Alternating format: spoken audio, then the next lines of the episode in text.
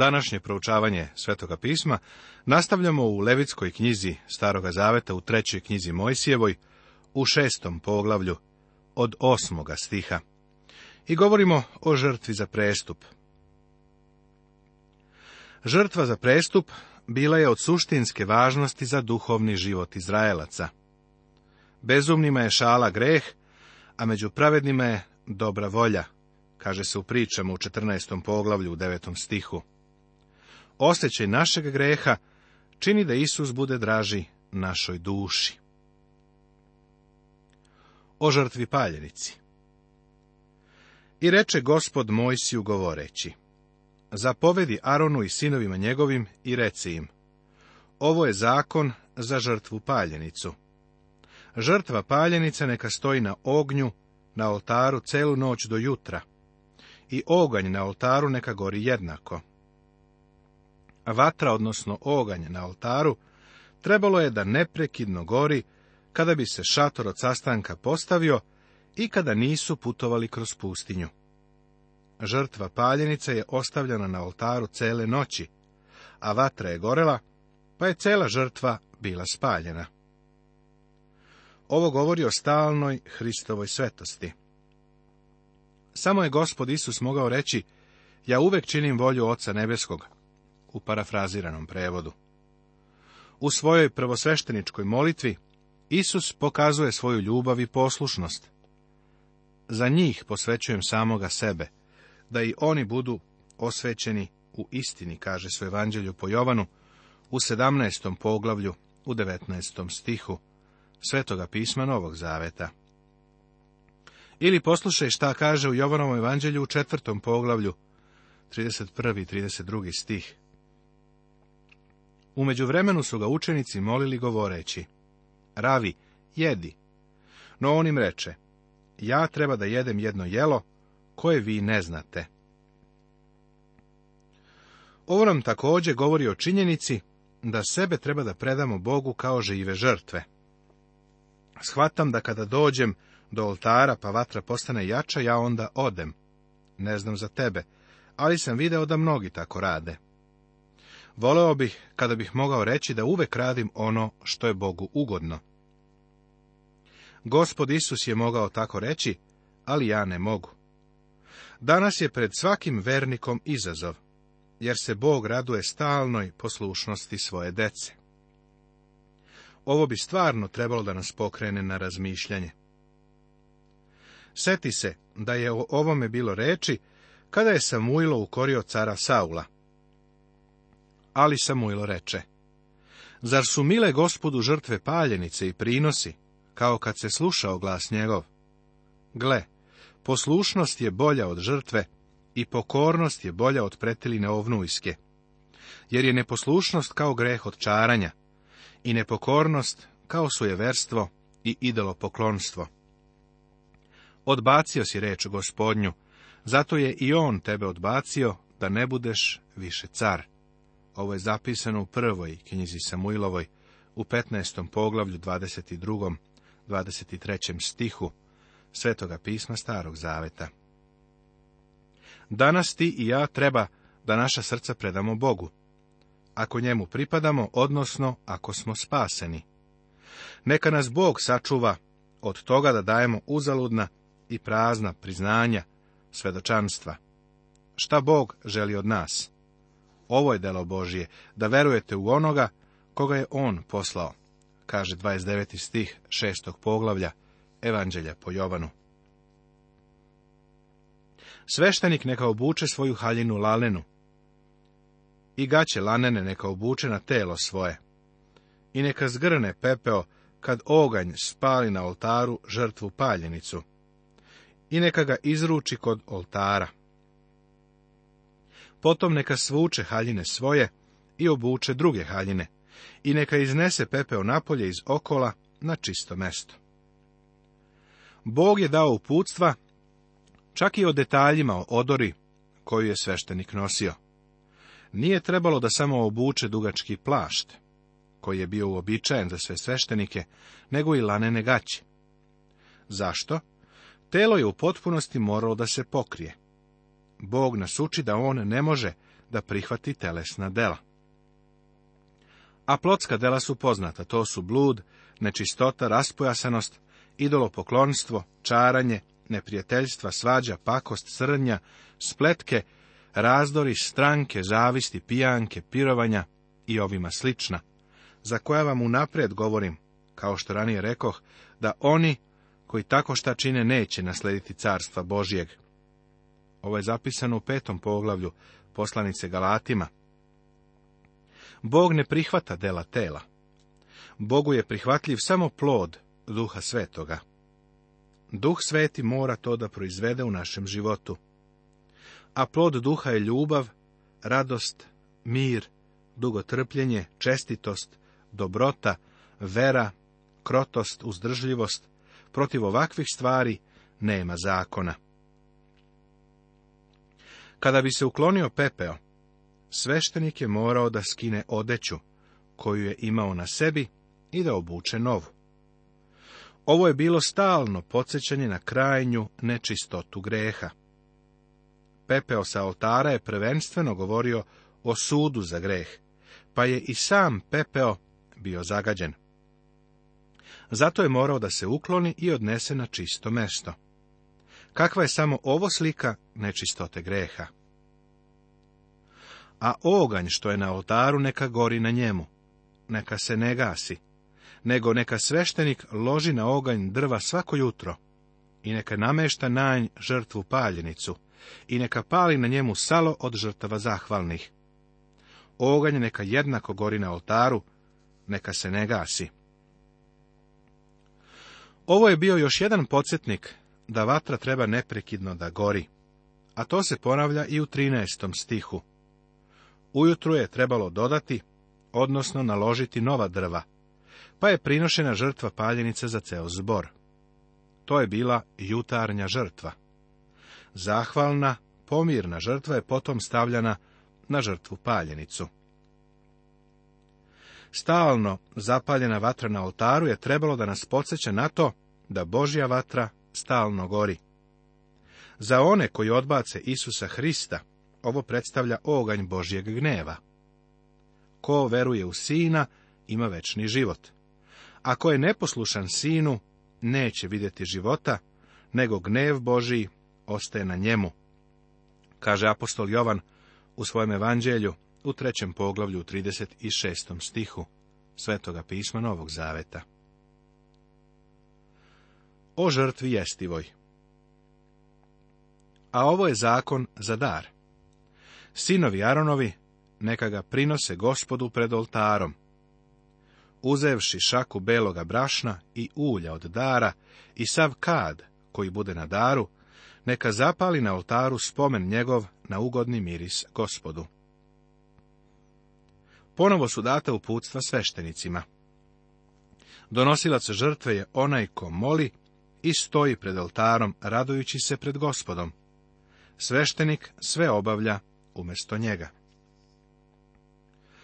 A što preteče, neka jede Aron i sinovi njegovi. Neka se jede bez kvasca na svetom mestu.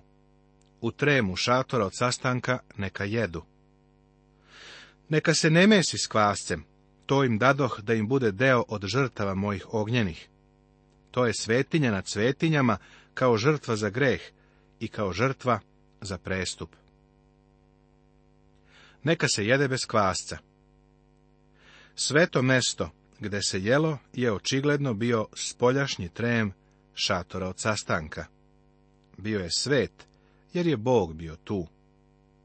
Božja prisutnost čini da je jedno mesto sveto.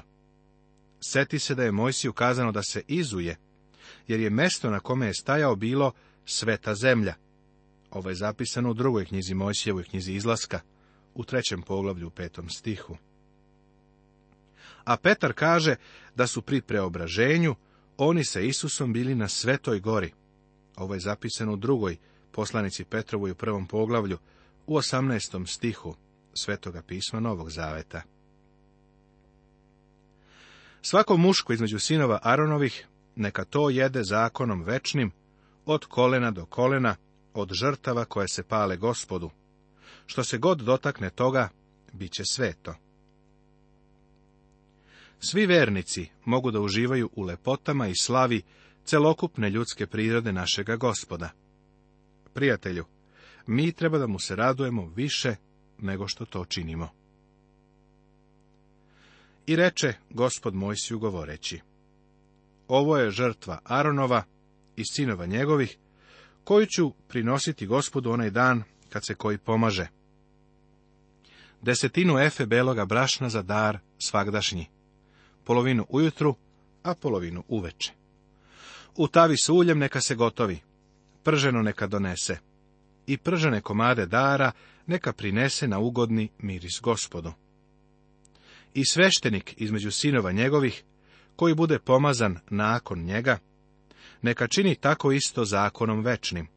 Neka se pali gospodu sve to i svaki dar sveštenikov neka se sav spali i neka se ne jede. Sveštenici su ne samo trebali da jedu, nego i da prinesu desetak jestive žrtve. Celokupan desetak od svega trebalo je da se prinese. Sveštenici moraju da daju baš kao što i primaju. Današnji sveštenici bi trebalo da daju primjer u davanju, svojim zajednicama. Kutija za priloge bi trebalo da prolazi članovima crkvenog osoblja čak i kad sede na platformi za vreme službe. Svi u tome treba da učestvujemo. O žrtvi za greh Još reče gospod Mojsiju govoreći, kaži Aronu i sinovima njegovim i reci, ovo je zakon za žrtvu radi greha.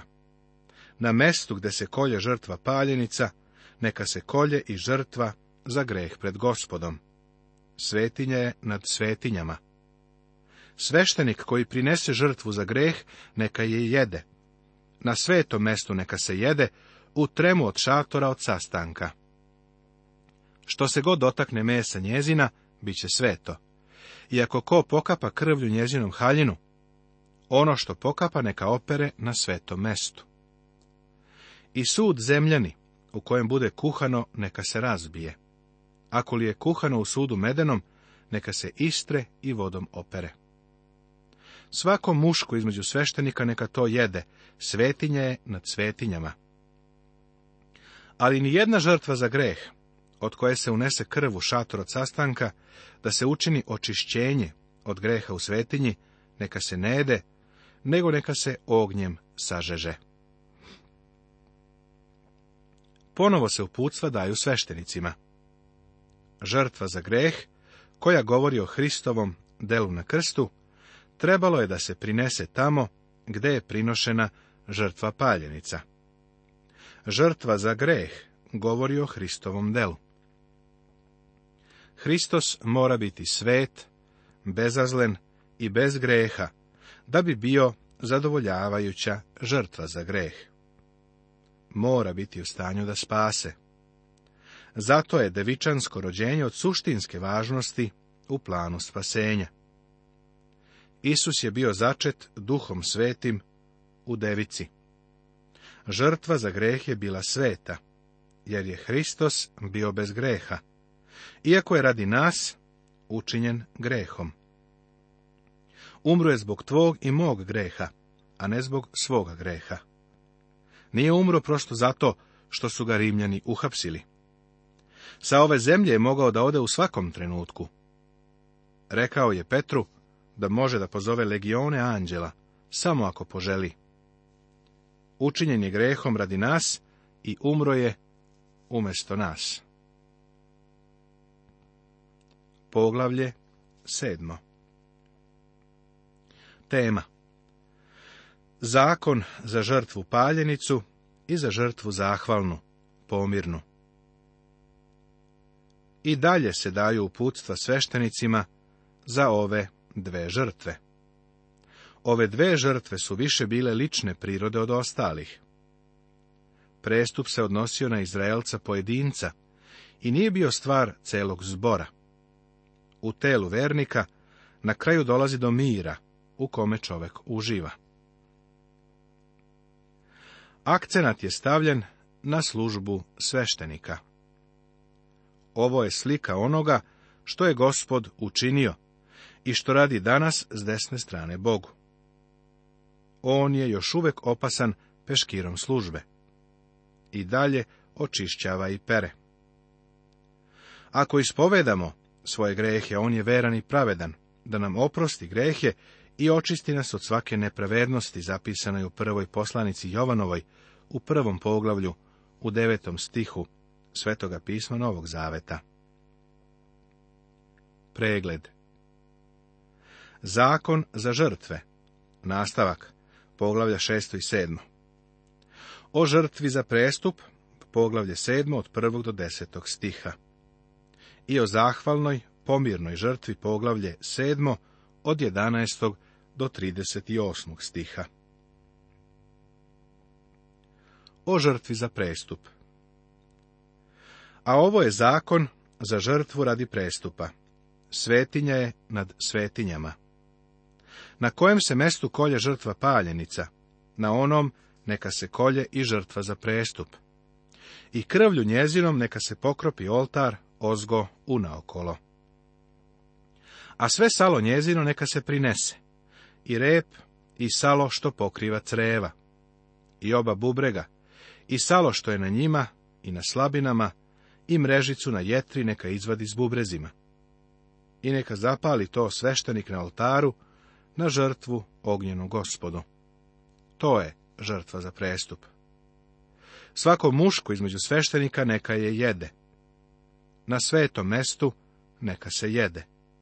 Svetinja je nad svetinjama. Žrtva je za prestup kao žrtva za greh. Jedan je zakon za obe. Koji sveštenik učini njom očišćenje, njegova je. Obred prinošenja žrtve za prestup je isti kao obred pri prinošenju žrtve za greh. Iako se prinosi za greh, prinosioc žrtve je podsjećan da je žrtva sveta. Hristovu vrednost i zaslugu nemoguće je prenaglasiti. Kada uvidimo našu grešnu prirodu i naša grešna dela, u njihovoj celokupnoj veličini i strahoti, onda ćemo sagledati i Hristovu čudesnost, veličinu i svetost. Prijatelju gospoda Isusa nikada nećeš ceniti kao spasitelja, sve dok sebe ne vidiš kao groznog grešnika, kakav jesi. Ja te ne nazivam podlim grešnikom, reč Božija svakoga od nas tako naziva. Spomenuta je krv, ali nije naglašena kao u žrtvi za greh. Međutim, obavešteni smo da za njih postoji jedan zakon.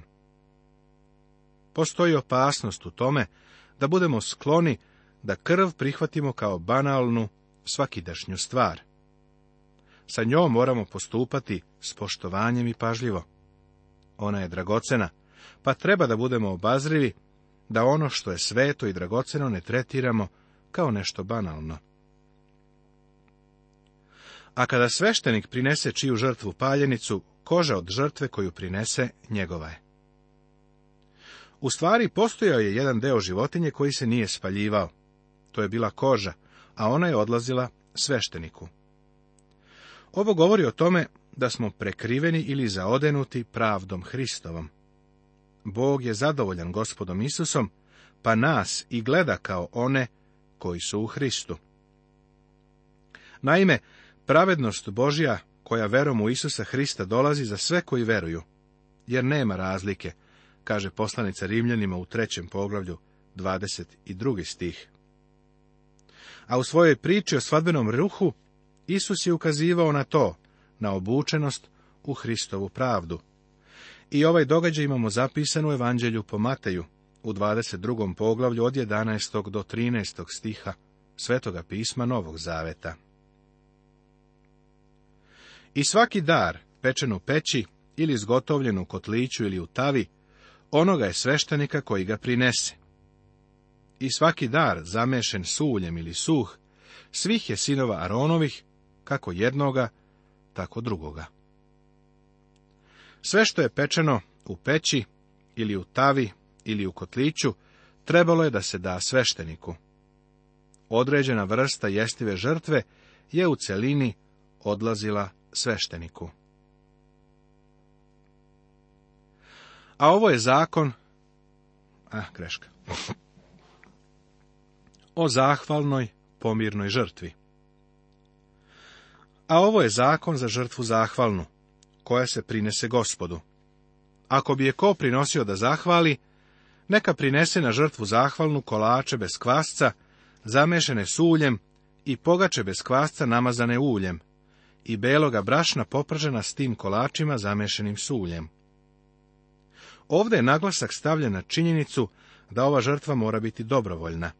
Reč je o zahvalnosti, o zahvalnoj žrtvi ovo za vernika ima posebno značenje. Prinosimo dakle stalno njegovim posredstvom Bogu zahvalnu žrtvu, to jest plod usana, koje ispovedaju njegovo ime. Plod naših usana treba da bude zahvalnost Božijem imenu. Prijatelju, ne možemo doći u crkvu da slavimo Boga, ukoliko se nismo pripremili da žrtvu slave prinesemo Bogu. Hrišćanin koji negoduje i kritikuje nije u poziciji da slavi Boga. Ovo je tako važno. Nastavit će se.